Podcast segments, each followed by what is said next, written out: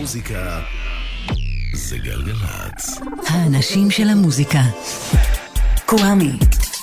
עושה לי את הלילה. תולדות האינדי על פי קוואמי. על פי קוואמי. סטאפ. אהלן, היי, שלום, סלאם, peace, מה שלומכם, מה שלומכן? אורי ריב סאונד, תומר אנג'ל מפיק, קוואמי כאן איתכם ואיתכן. ברוכות הבאות, ברוכים הבאים לסדרת תולדות האינדי, כאן בגלגלצ מדי שני בין 9 ל-10 בערב. את כל פרקי הסדרה תוכלו למצוא באתר גלגלצ, באפליקציית גלגלצ, איפה שאתם שומעים ושומעות פודקאסטים, ובבלוג של הסדרה, historyofindie.wordpress.com. הפעם, פרק מספר 40. אנחנו בדרך לסיים את אירועי 1981. ב-1 באוגוסט 81 עלתה לראשונה לשידור תחנת טלוויזיה בשם MTV, ראשי תיבות של Music Television. MTV הייתה רשת של טלוויזיה בכבלים, כלומר שלא כולם יכלו לראות אותה. בסיסה היה בניו יורק, ובהתחלה אפשר היה לצפות בה רק בכבלים בניו ג'רזי. כש-MTV עלתה לשידור היא שידרה קליפים ברצף, בעיקר של להיטים עדכניים, כשבין לבין היו מגישים שתיווכו בין השירים, מה שקיבל את המינוח VJ, כלומר וידאו ג'וקי, להבדיל מדיסק ג'וקי, ראשי התיבות של DJ. הדבר הזה נשמע לנו הכי מובן מאליו, אבל בזמנו תחשבו שהבמה התקשורתית המובילה של מוזיקה הייה רדיו. אנשים היו רואים מוזיקה בטלוויזיה, אבל לא היה למוזיקה ערוץ ייעודי.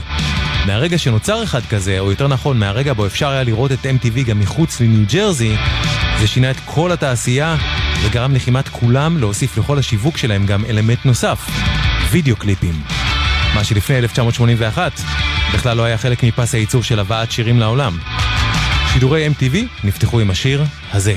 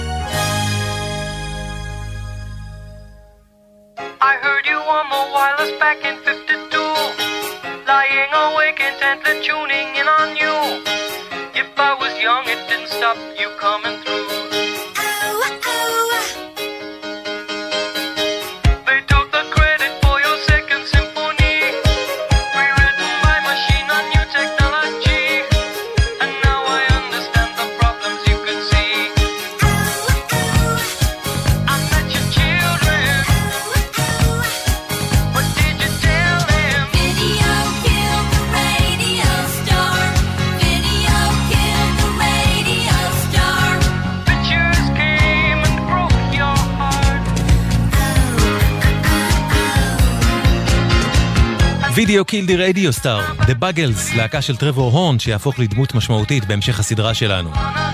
העלייה של MTV לאוויר הייתה אחת מנקודות הלפני והאחרי והאל חזור הכי קריטיות בתולדות המוזיקה, לא רק בת זמננו אלא בכלל. זה היה השלב ההיסטורי המוחלט, בו מוזיקה הפסיקה להיות רק דבר ששומעים והתחילה להיות משהו שברור שגם רואים. קודם לכן מוזיקאים היו מופיעים בטלוויזיה בהופעות רגילות, בתוכניות שונות, וככה אנשים היו נחשפים אליהם. הוידאו קליפים עודדו סוג אחר לגמרי של חשיבה יצירתית. פתאום היה צריך לעניין את הצופים. יותר ויותר קליפים התחילו להתבסס על סיפורים או על חלקי סיפור, על משהו שיצר תחושה של סרט קצר ולא רק של הופעה. אבל בשלב ראשון, MTV התבססה בעיקר על קליפים פשוטים של הרכבים אמריקאים שעשו רוק בומבסטי לכל המשפחה. הנה אחד השירים שהוקרנו ביום השידורים הראשון של MTV, ודוגמה לסוג הרוק שהצליח באותו זמן בארצות הברית בטירוף.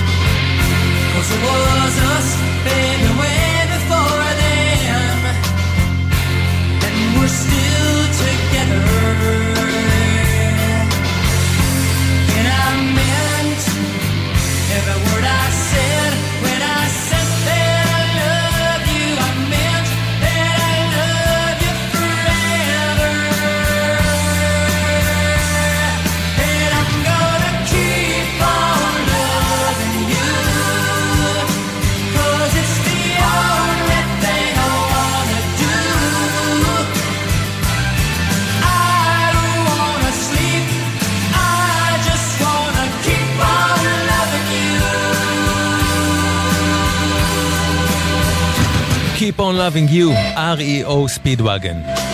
אבל לא רק MTV עלתה ב-81.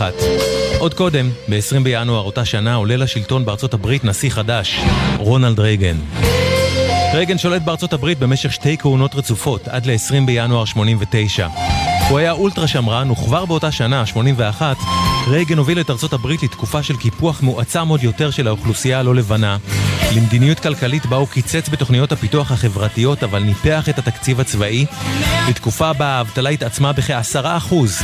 הוא נכנס לעימות עם לוב, חתם על הצו שאפשר ל-CIA לסייע לכוחות הקונטרס בניקרגואה במסגרת פרשת איראן קונטרס השערורייתית, והעצים את האיבה בין הברית לבין ברית המועצות, וכך החריף מתמיד את המלחמה הקרה, וזה היה רק בשנה הראשונה שלו. אווירת הרייגניזם החדשה, בעלת ההילה הגזענית, הקאובויית, הזחוחה, העבירה על דעתם צעירים רבים בארצות הברית. חברו את זה לכך שהם מצאו את המוזיקה שהזרם המרכזי בהובלת MTV אהב כנפוחה, שמרנית ומלוקקת, והצעירים האלה מצאו את הדרך לפרוק את העצבים שלהם באמצעות משהו שהמיינסטרים האמריקאי עדיין לא יכל לשאת, פאנק. וכמה שהם היו יותר מתוסכלים, כך הפאנק שלהם הפך ליותר ויותר הארדקור. לדוגמה, להקה שהוקמה ב-LA ב-1980 ושקראה לעצמה Bad Religion, כמעט כהתרסה על השמרנות הדתית ההולכת וגוברת תחת שלטונו של רייגן. הגיטריסט של Bad Religion, ברט גורביץ, הקים יחד עם חברי להקתו לייבל עצמאי, כדי שהם יוכלו להוציא דרכו את המוזיקה שלהם. הלייבל הזה הפך לאחד החשובים ביותר בתולדות הפאנק, והם קראו לו Epitaph. ב-81 הם הוציאו ב Epitaph את EP הבכורה שלהם, Bad Religion, מתוכו השיר Bad Religion.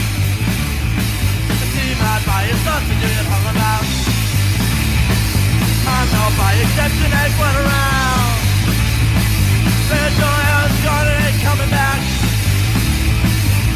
Religion, that is. Hey, stop wasting my time with your factory, but.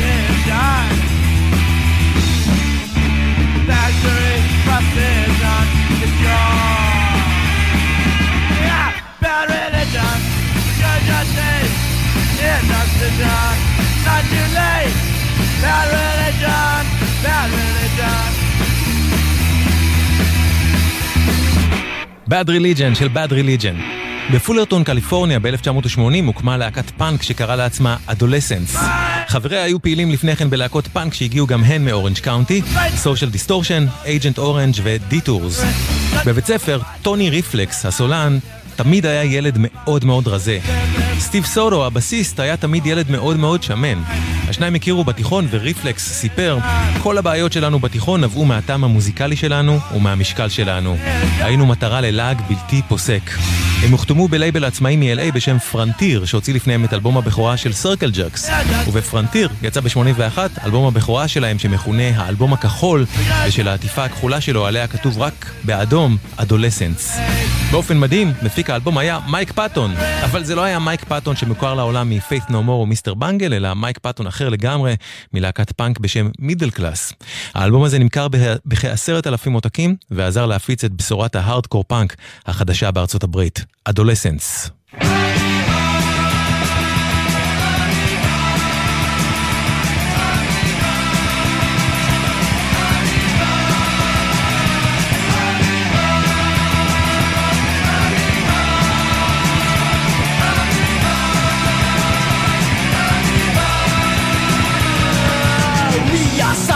In our lab, looking through the microscope.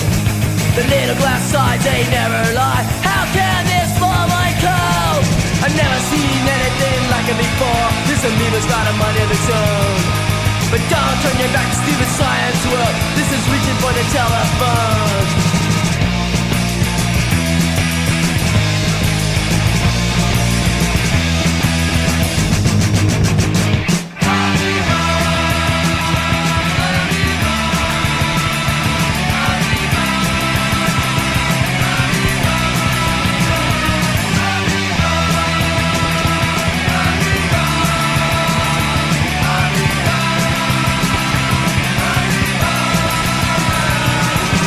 אמיבה, אדולסנס. ומפולרטון, קליפורניה, עוברים לוושינגטון. לאיאן מקאי וג'ף נלסון הייתה להקה בשם The Teen Idols. וכדי להוציא את המוזיקה שלה הם הקימו חברת תקליטים עצמאית וקראו לה דיסקורד. אחרי שחברי הלהקה עשו הכל בעצמם, כולל יצירת עטיפות התקליטים, הכנסת הווינילים לתוכן והבאתם לחנויות, ממש כמו בימי הבאזקוקס שהתחילו את האינדי בבריטניה, חברי דיסקורד הרגישו שנוצרת שם קהילה של אנשים שעושים מוזיקה דומה ושחולקים השקפות עולם דומות, והם רצו והתחילו להוציא עוד מוזיקה ללהקות פאנק נוספות שהם אהבו מוושינגטון.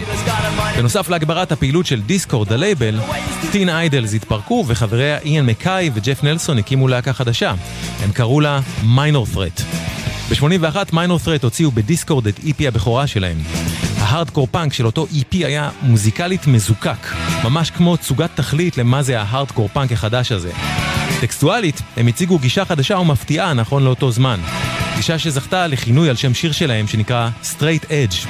השיר הזה הפך לתת תרבות שלמה, שהגרסה הרחבה ביותר שלה דגלה בלא לשתות אלכוהול, לא לעשות סמים, להימנע מסקס, מה שנקרא מתירני, לא לשתות קפאין, לא לקחת תרופות מרשם, לאכול רק אוכל צמחוני או טבעוני ולתמוך בזכויות בעלי חיים. אני אדם בדיוק כמוך, אבל יש לי דברים יותר טובים לעשות מלשבת ולדפוק את הראש, להסתובב עם המתים החיים, להסניף חרא לבן במעלה האף שלי, להתעלף בהופעות. אני אפילו לא חושב על ספיד, זה משהו שאני פשוט לא צריך. יש לי straight edge, כתב ושר איאן מקאי.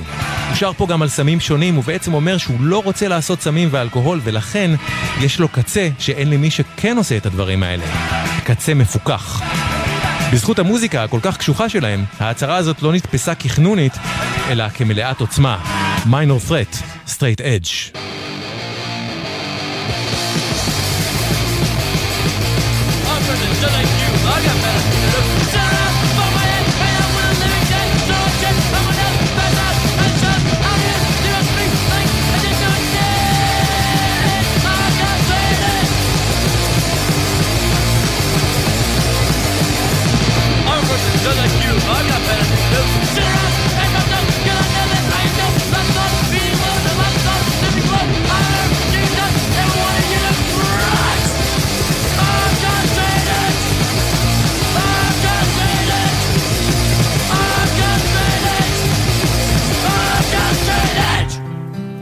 Straight Edge, minor threat. אתם ואתן על גלגלצ, סדרת תולדות האינדי. אנחנו בארצות הברית 1981, והנה עוד להיט ענק שיצא כשנה לפני כן, אבל הדהד עמוק ב-81, ושיבהיר עד כמה מה שהפנקיסטים החדשים עשו, היה מרד בכל מה שהסביבה שלהם הדהדה. I'm lying alone with my head on the phone, thinking of you till you too, but what else can we do? Tormented and torn apart. I wish I could carry your smile in my heart for times when my life seems so low. It would make me believe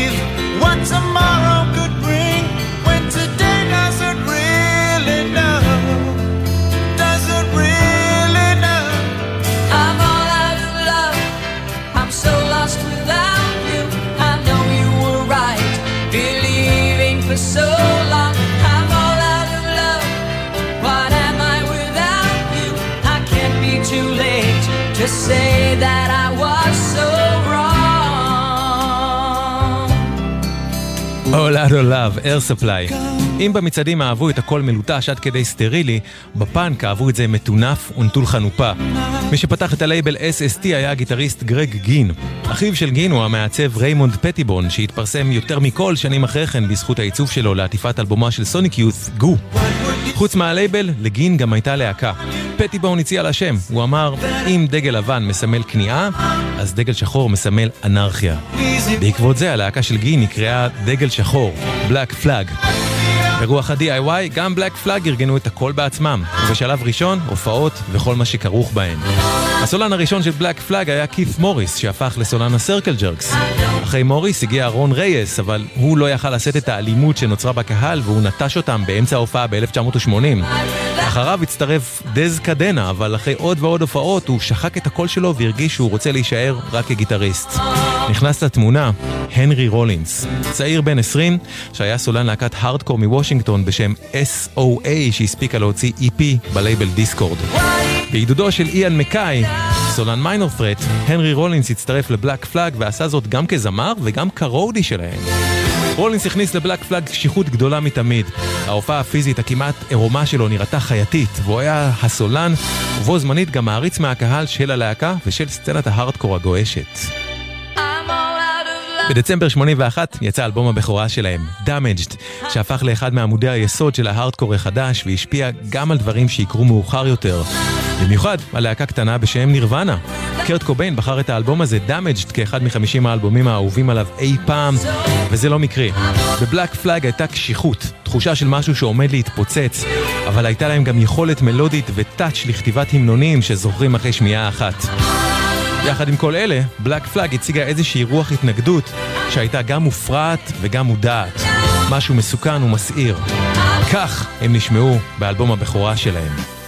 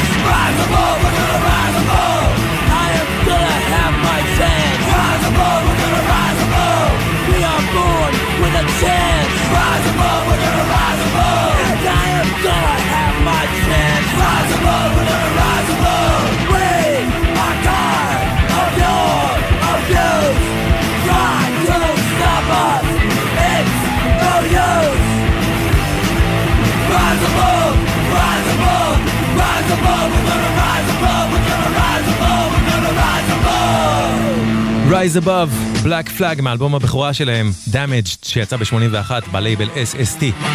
הלהקות שפעלו ב-SST לא היו פס ייצור של אותה גישה מוזיקלית. ב-1980 הוקמה בסן פדרו, קליפורניה, להקה בשם מיניטמן. הגיטריסט די בון והבסיסט מייק וואט היו חברי ילדות, ואחרי כמה גלגולי להקות הם צירפו אליהם את המתופף ג'ורג' הרלי. ההופעה הראשונה שלהם הייתה כחימום לבלק פלאג. ב-81 יצא ב-SST אלבום הבכורה של המיניטמן, שנקרא The Punchline. הם ניגנו בו 18 שירים ב-15 דקות. והאלבום הזה הציג צד חדש ושלם גם ל-SST ובכלל להארדקור פאנק. כי מקורות ההשראה של מיניטמן הגיעו לא רק מפאנק, אלא גם מג'אז וגם מפאנק. והם ערבבו אותם באופן שאינו מובן מאליו ובאומץ עם הפאנק. בשלב הזה שלושת חברי הלהקה שרו, והם הביאו איתם גם הומור וגם נופך אינטלקטואלי, בניגוד לחייתיות הכמעט ברברית לעיתים של בלק פלאג. באלבום הבכורה שלהם, The Punchline, The Minute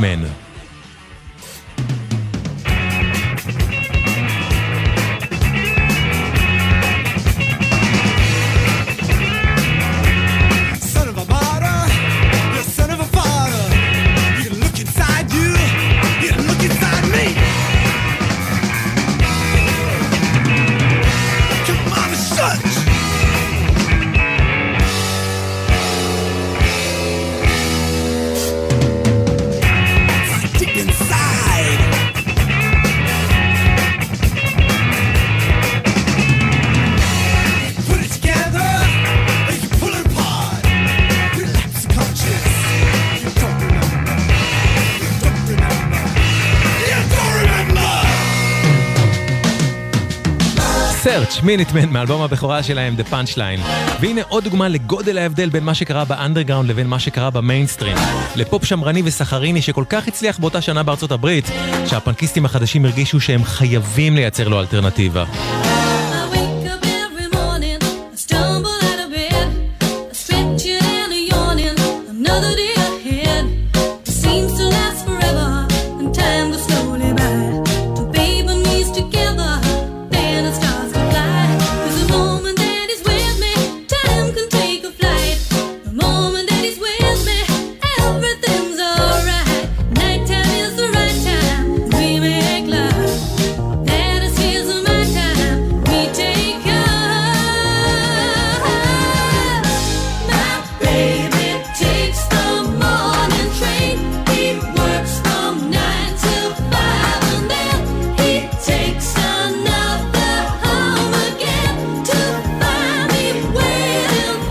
שתבינו את ההבדלים.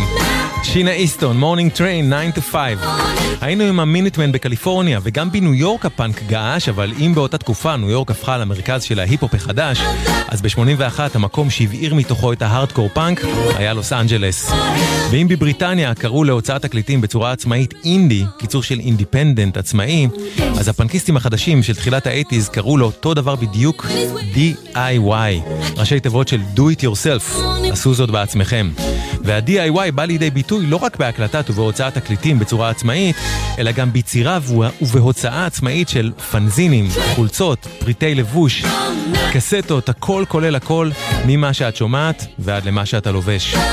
בארצות הברית חברות התקליטים הגדולות נתפסו וגם היו הלכה למעשה כוח הרבה יותר דורסני מאשר בבריטניה. בארצות הברית הפאנקיסטים קראו למוזיקה שיצאה בחברות הגדולות, כמו למה שאנחנו שומעים כרקע, corporate rock, רוק של תאגידים. ושם להוציא מוזיקה בעצמך לא היה רק בלית ברירה, אלא גם לגמרי עניין של עיקרון. הניסיוניות והחיבור שה- Minutemen עשו בין פאנק לבין עוד ג'אנרים, השפיע על עוד להקה שפעלה בחברת SST, חבורה מ-LA בשם Saccharine Trust. הם לקחו את שמם משירו של דייוויד בוי, The Bewley Brothers, וגם EP הבכורה שלהם היה בין 50 התקליטים האהובים ביותר על קורט קוביין, Saccharine Trust.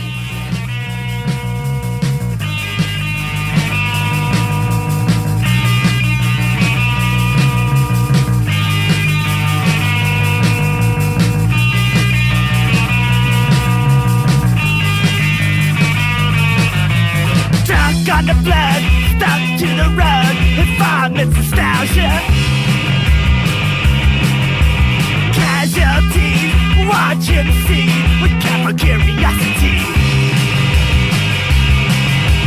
Raw dialogue, he gives his sermon.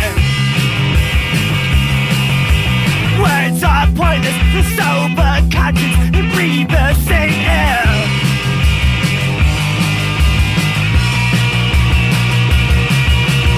all is mine, as mine is all. Stone, as stone is flesh. Pain is real, as real is pain. as real as now. Sad awakening, finds a window, cottage morning. All thoughts pierce, memories are scarce, the cuts have dried out.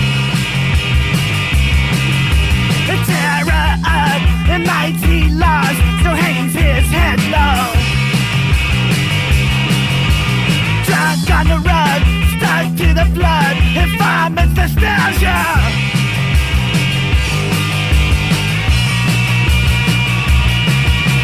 I waited so long for something to seem real. I had so many questions. I answered all my questions. When I see your face turn, and I knew what was real. I knew what was lost as real as pain. What was real? Pain is real. As real as pain.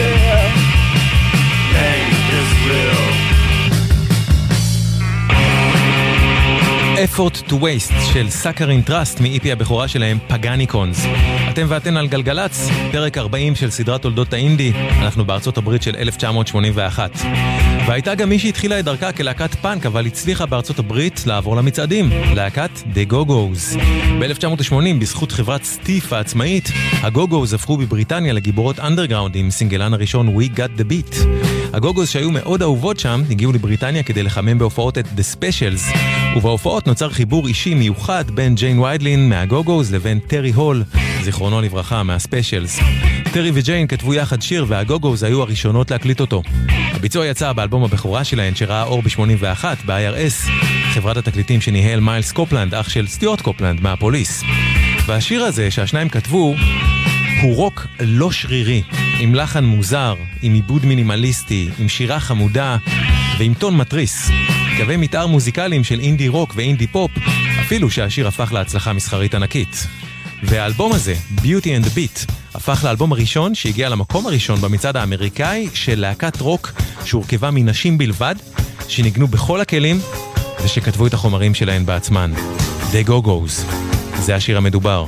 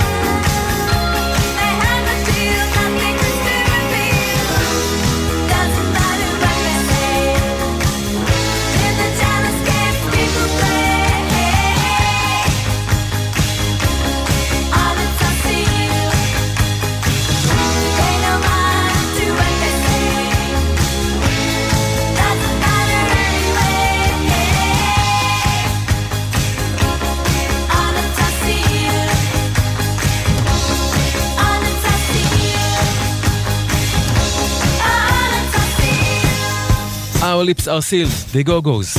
ב-81 יצא גם אלבום הבכורה של להקה קטנה ממיניאפוליס בשם The Replacements. עוד נגיע לזה שה-Replacements הפכה לאחת מאבני היסוד של האינדי רוק האמריקאי. אבל בשלב ראשון, הם היו להקת פאנק, או יותר נכון, להקת פאנק מבולבלת, שלא סגורה על אם היא פאנק או לא. מה שנתן אחלה פתח להפיכתה ללהקת אינדי משמעותית. האלבום שלהם שיצא בחברת תקליטים עצמאית במיניאפוליס בשם Twin/Tone נקרא סליחה אמא, שכחתי להוריד את הזבל. Sorry מה, forgot to take out the trash, the replacements.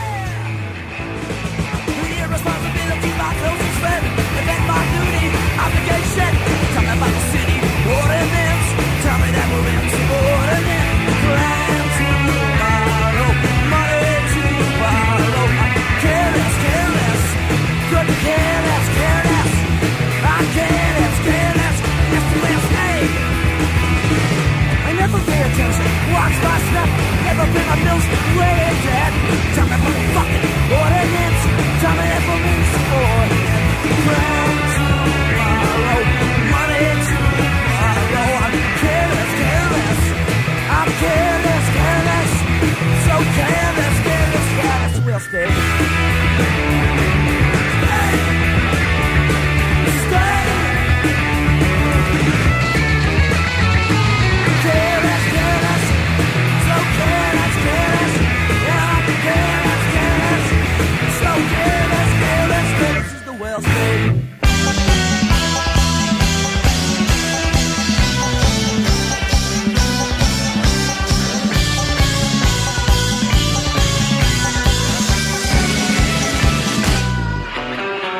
Careless, The Replacements. ב-1977 נוסד ב-LA פנזין בשם סלאש, שנועד לכתוב על סצנת הפאנק שבערה שם. ב-78 סלאש, הפנזין, הפך גם לחברת תקליטים קטנה ועצמאית. מאוחר יותר נולדה לסלאש חברת בת קטנה בשם רובי, ובה יצא לראשונה מהאלבום הבא שנדבר עליו. ג'פרי לי פירס היה זמר וגיטריסט חצי מקסיקני, חצי אמריקאי. הוא גדל ב-60's וב-70's בפרבר תעשייתי של מעמד הפועלים במזרח LA, פרבר בשם אל מונטה. ב-76 יוצא אלבום הבכורה של בלונדי שאנחנו שומעים ברקע. בלונדי שעוברים כחוט השני בסדרה הזאת כמשפיעים על שלל מוזיקאי אנדרגראונד מסוגים שונים. ג'פרי לי פירס הופך למעריץ ענק של בלונדי, ועם הזמן ליושב ראש מועדון המעריצים של דבי הארי הסולנית בחוף המערבי של ארצות הברית. פירס החל לכתוב בפנזין סלאש והוא הפך לחלק מסצנת הפאנק בהוליווד. גם ככתב מוזיקה, אבל בעיקר כקהל נלהב. רוב הכתבות של פירס עסקו באובססיה שלו לרגעי, הוא אפילו ראיין עבור סלאש המגזין את בוב מרלי. פירס התלהב גם מסצנת ה-No Wave האוונגרדית בניו יורק, אבל מה שהכי דיבר אליו היה בלוז. עם כל האהבה שלו לרגעי, הוא חש שזו לא הייתה מוזיקה שהוא היה מסוגל לעשות בעצמו, כי היא הייתה יותר מדי רחוקה ממנו פיזית. כשהוא גילה את הדלתא בלוז, הכל התחיל להתערבב אצלו. הבלוז היה נטוע מבחינתו בשורשים האמריקאים שלו, וככל שיעברו השנים ופירס ירגיש יותר ויותר רדוף, כך גם תגבר ההזדהות שלו עם הדלתא בלוז ועם דמויות כמו רוברט ג'ונסון, שהאגדה מספרת שמכר את נשמתו לשטן. אחרי כמה גלגולים, פירס הקים הרכב וקרא לו The Gun Club. ב-1980 הגן קלאב מוציאים בתת לייבל של סלאש, רובי, את אלבום הבכורה שלהם Fire of Love. התקליט הזה חיבר את הפאנק שפירס והחברים שלו חיו ב-LA, יחד עם האהבה שלו לדלתא בלוז, לאומנים כמו אותו רוברט ג'ונסון, האולין וולף וסון האוס. לחיבור הנפיץ הזה של פאנק ובלוז הם הכניסו גם רוקבילי וקאונטרי. והתוצאה הייתה אלבום שלא נשמע כמו שום דבר שיצא לפניו.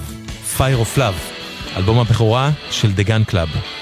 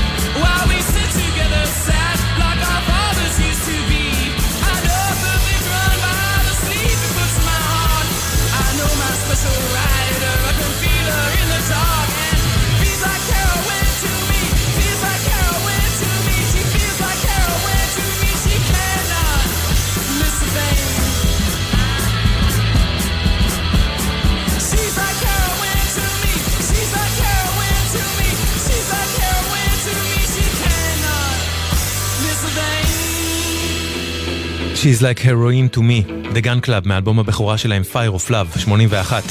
לג'פרי לי פירס היו קול ויכולת שירה אותנטיים, בלתי מעובדים, משהו כל כך נדיר. הנה עוד אחד מאותו אלבום.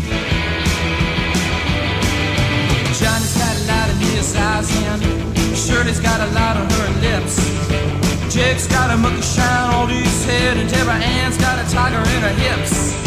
They can twist and turn, they can move and burn, they can throw themselves against a wall, but they creep for what they need and they explode to the call and then they. Move.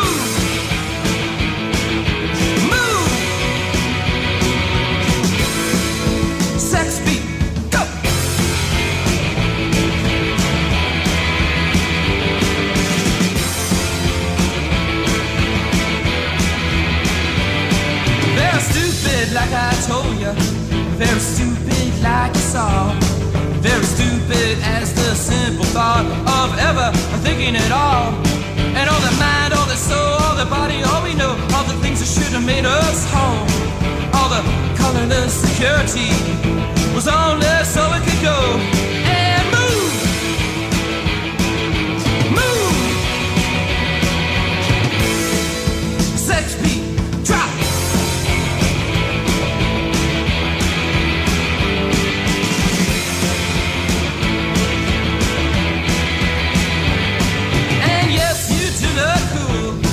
Inside the floodlights of blue. You make my tropical apartment bed your sacrificial pool. My body in the water and my heart is in your hand.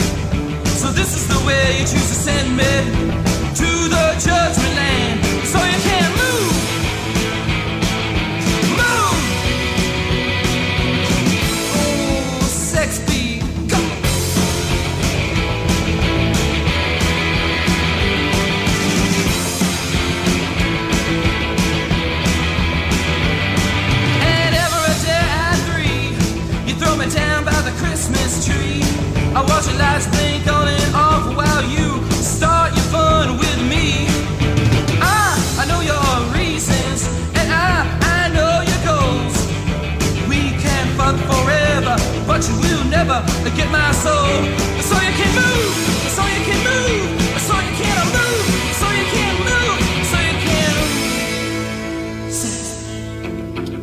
Beat, The Gun Club. שיר שגם חודש שנים מאוחר יותר על ידי הצמד האלקטרוני Two Lone Swordsmen. אחד האנשים שהקימו עם ג'פרי לי פירס את הגן קלאב היה גיטריסט מקסיקני אמריקאי בשם קיד קונגו פאוורס. קונגו עזב את הגן קלאב לפני הקלטות אלבומם הראשון והצטרף ללהקה אחרת, The Cramps. הקרמפס מניו יורק, כפי שסיפרנו פה בסדרה, לקחה את אחד מתתי הסגנונות הכי מוקדמים של הרוק אנד רול, רוקבילי, ושילבה אותו עם האהבה שלהם ל B movies, לסרטי אימה ומדע בדיוני ישנים וקמפיים. כך הם המציאו מבלי להתכוון סגנון חדש, שזכה לשם סייקובילי, למרות שהם התנערו מה title הזה. ב-81 הקרמפס הוציאו את אלבומם המלא השני, Psychedelic Jungle. וראו זה פלא, הקרמפס, להקה שמעולם לא הצליחה מסחרית, אפילו לא טיפה. זכתה ממש בשנה האחרונה, נכון לשידור פרק זה, להצלחה מסחרית ראשונה בתולדותיה. סדרת הטלוויזיה Wednesday לקחה את השיר הבא מאלבומם Psychedelic Jungle, ו-41 שנה אחרי שהוא יצא, שיבצה אותו באופן מבריק בסצנה בתוכה, והפכה אותו ללהיט ויראלי מטורף. סולן הקרמפס, לקס אינטרייר, כבר לא בחיים כדי לראות את זה. מדובר בקאבר לשיר משנת 62 של Ronnie Cook and the Gaylads, The Cramps, Goo Goo Muck.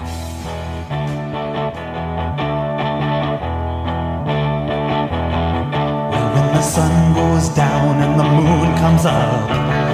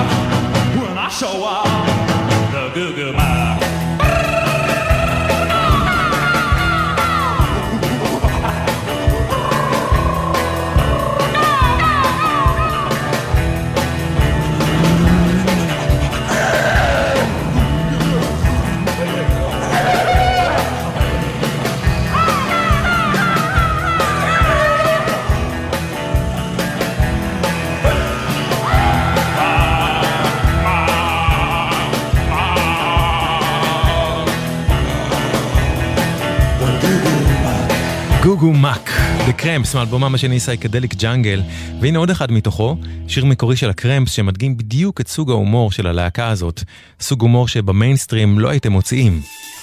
אל תאכלו דברים מהמדרכה, אוקיי?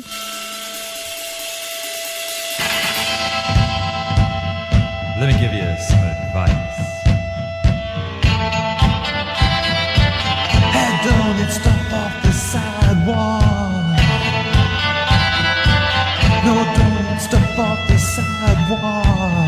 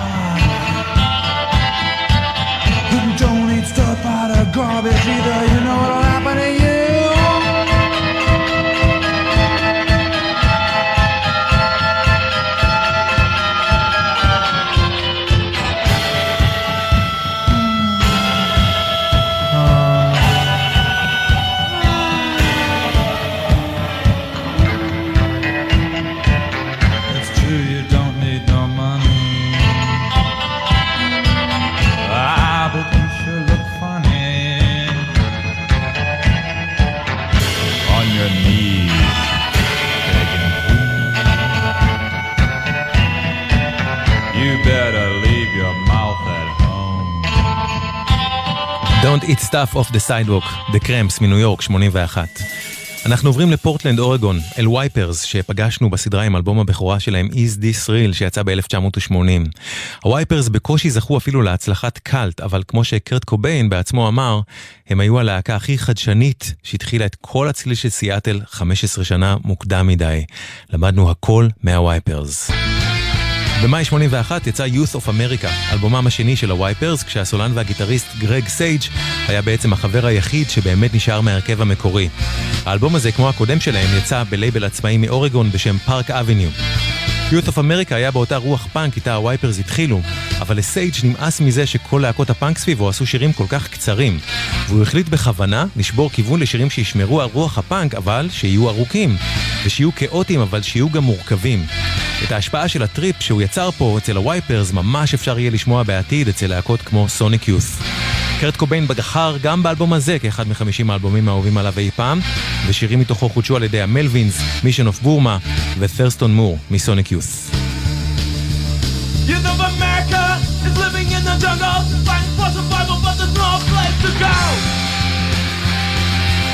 Youth pressure all around, the down, the are coming down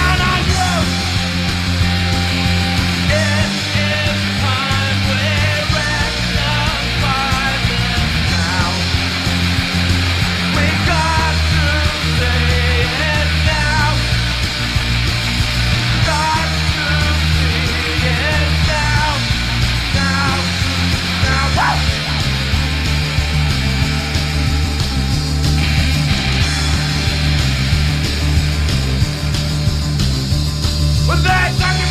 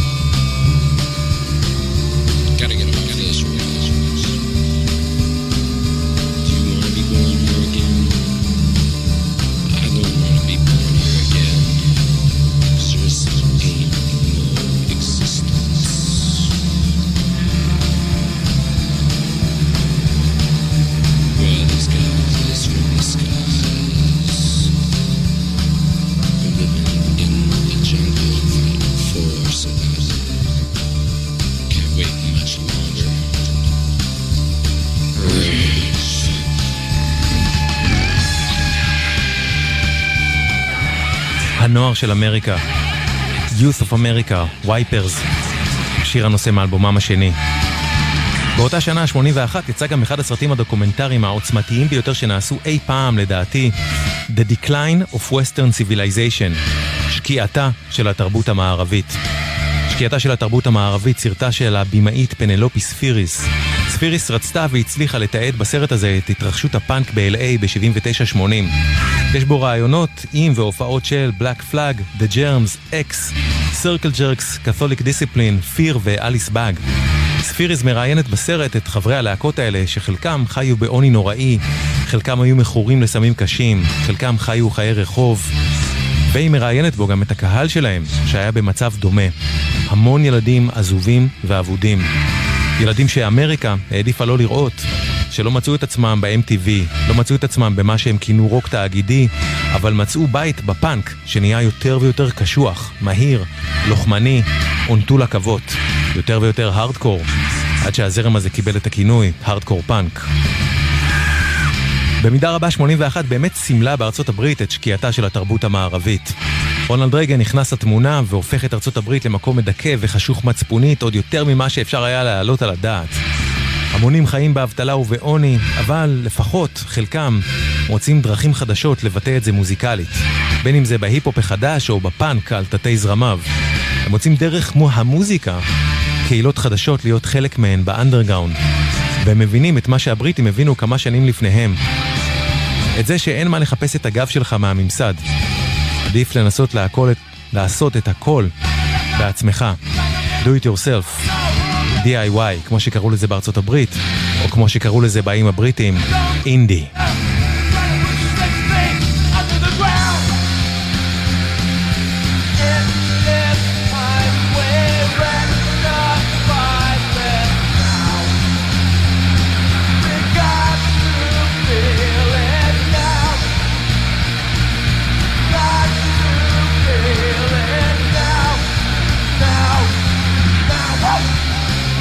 עד כאן פרק מספר 40 של סדרת תולדות האינדי. את כל פרקי הסדרה תוכלו למצוא באתר גלגלצ, באפליקציית גלגלצ, איפה שאתם שומעים ושומעות פודקאסטים, ובבלוג של הסדרה historyofindie.wordpress.com. תודה רבה לתומר אנג'לה על ההפקה, לדניאל שבתאי על הסאונד, לכם ולכן שהקשבתם והקשבתן. אחרינו דנה יצחק בין עשר לחצות, אל תחמיצו. הפרק הבא של הסדרה ישודר בשני הבא בתשע, ואני אשוב אליכם עם מוזיקה חדשה ומעולה, בתקווה, מחר, שלישי, בין תשע לעשר בערב. ניפגש כאן בגלגלצ. וזהו, זה עד כאן, קוואמי כאן. שמרו על עצמכם ועל עצמכם, אוקיי?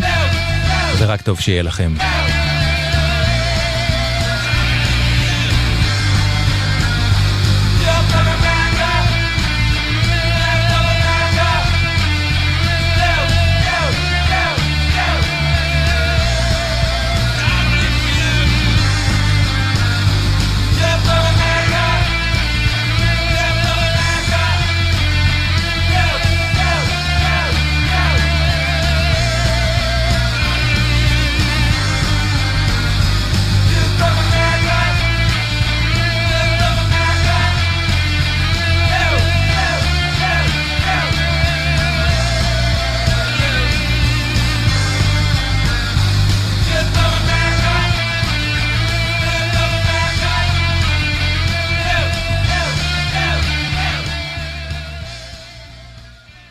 מוזיקה זה גלגלצ.